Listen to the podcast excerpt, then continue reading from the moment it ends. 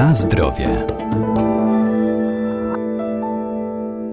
Nawet najdroższa i najlepsza jakościowo żywność nie będzie trwała, jeżeli nie zapewnimy jej właściwych warunków przechowywania. To m.in. odpowiednie opakowania przeznaczone do przechowywania produktów spożywczych, jak i zalecana temperatura, miejsce i stosowna obróbka. To też pozwoli na ograniczenie marnowania żywności.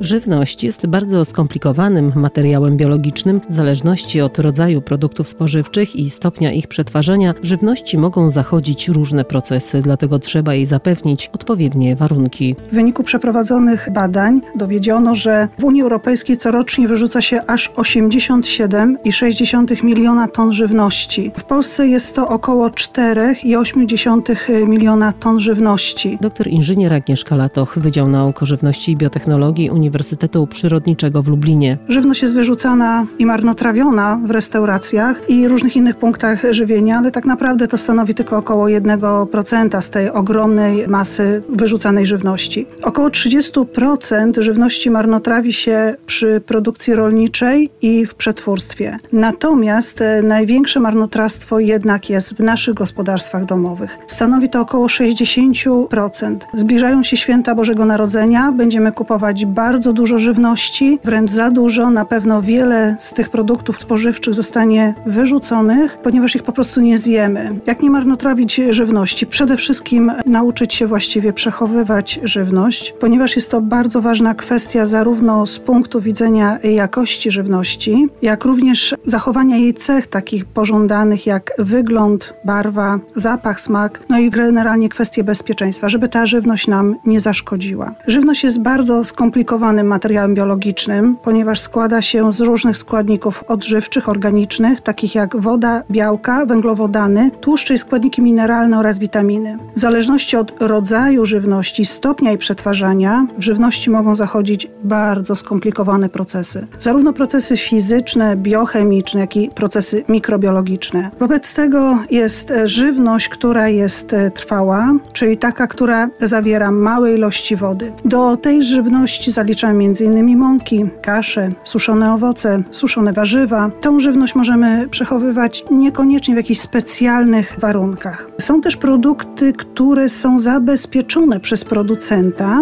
jak na przykład żywność konserwowana, czy też żywność mrożona. Są też różne rodzaje żywności, które wymagają też różnych warunków przechowywania. Na zdrowie. A co decyduje o tym, w jaki sposób przechowywać żywność? Przede wszystkim decyduje o tym skład chemiczny, czyli co w tych produktach jest.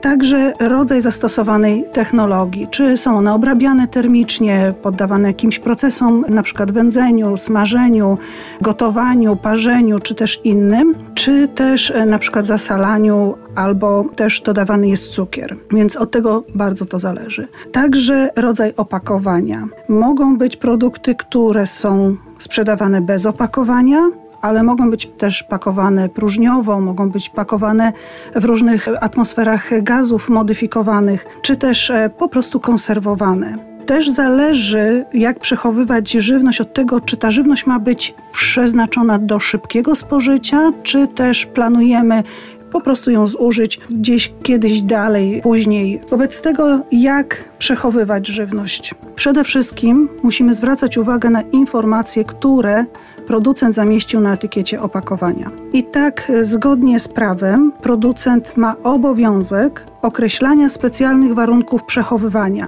To znaczy, w jakiej temperaturze powinno się przechowywać tą żywność, czy ewentualnie tą żywność trzeba chronić przed światłem, czy przechowywać w suchym, chłodnym miejscu, czy też jej po prostu nie zamrażać. Producent ma także obowiązek podawania informacji na temat przechowywania żywności po otwarciu opakowania.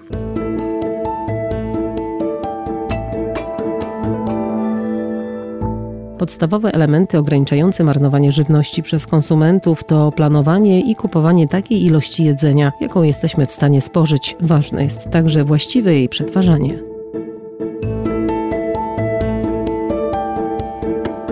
Na zdrowie.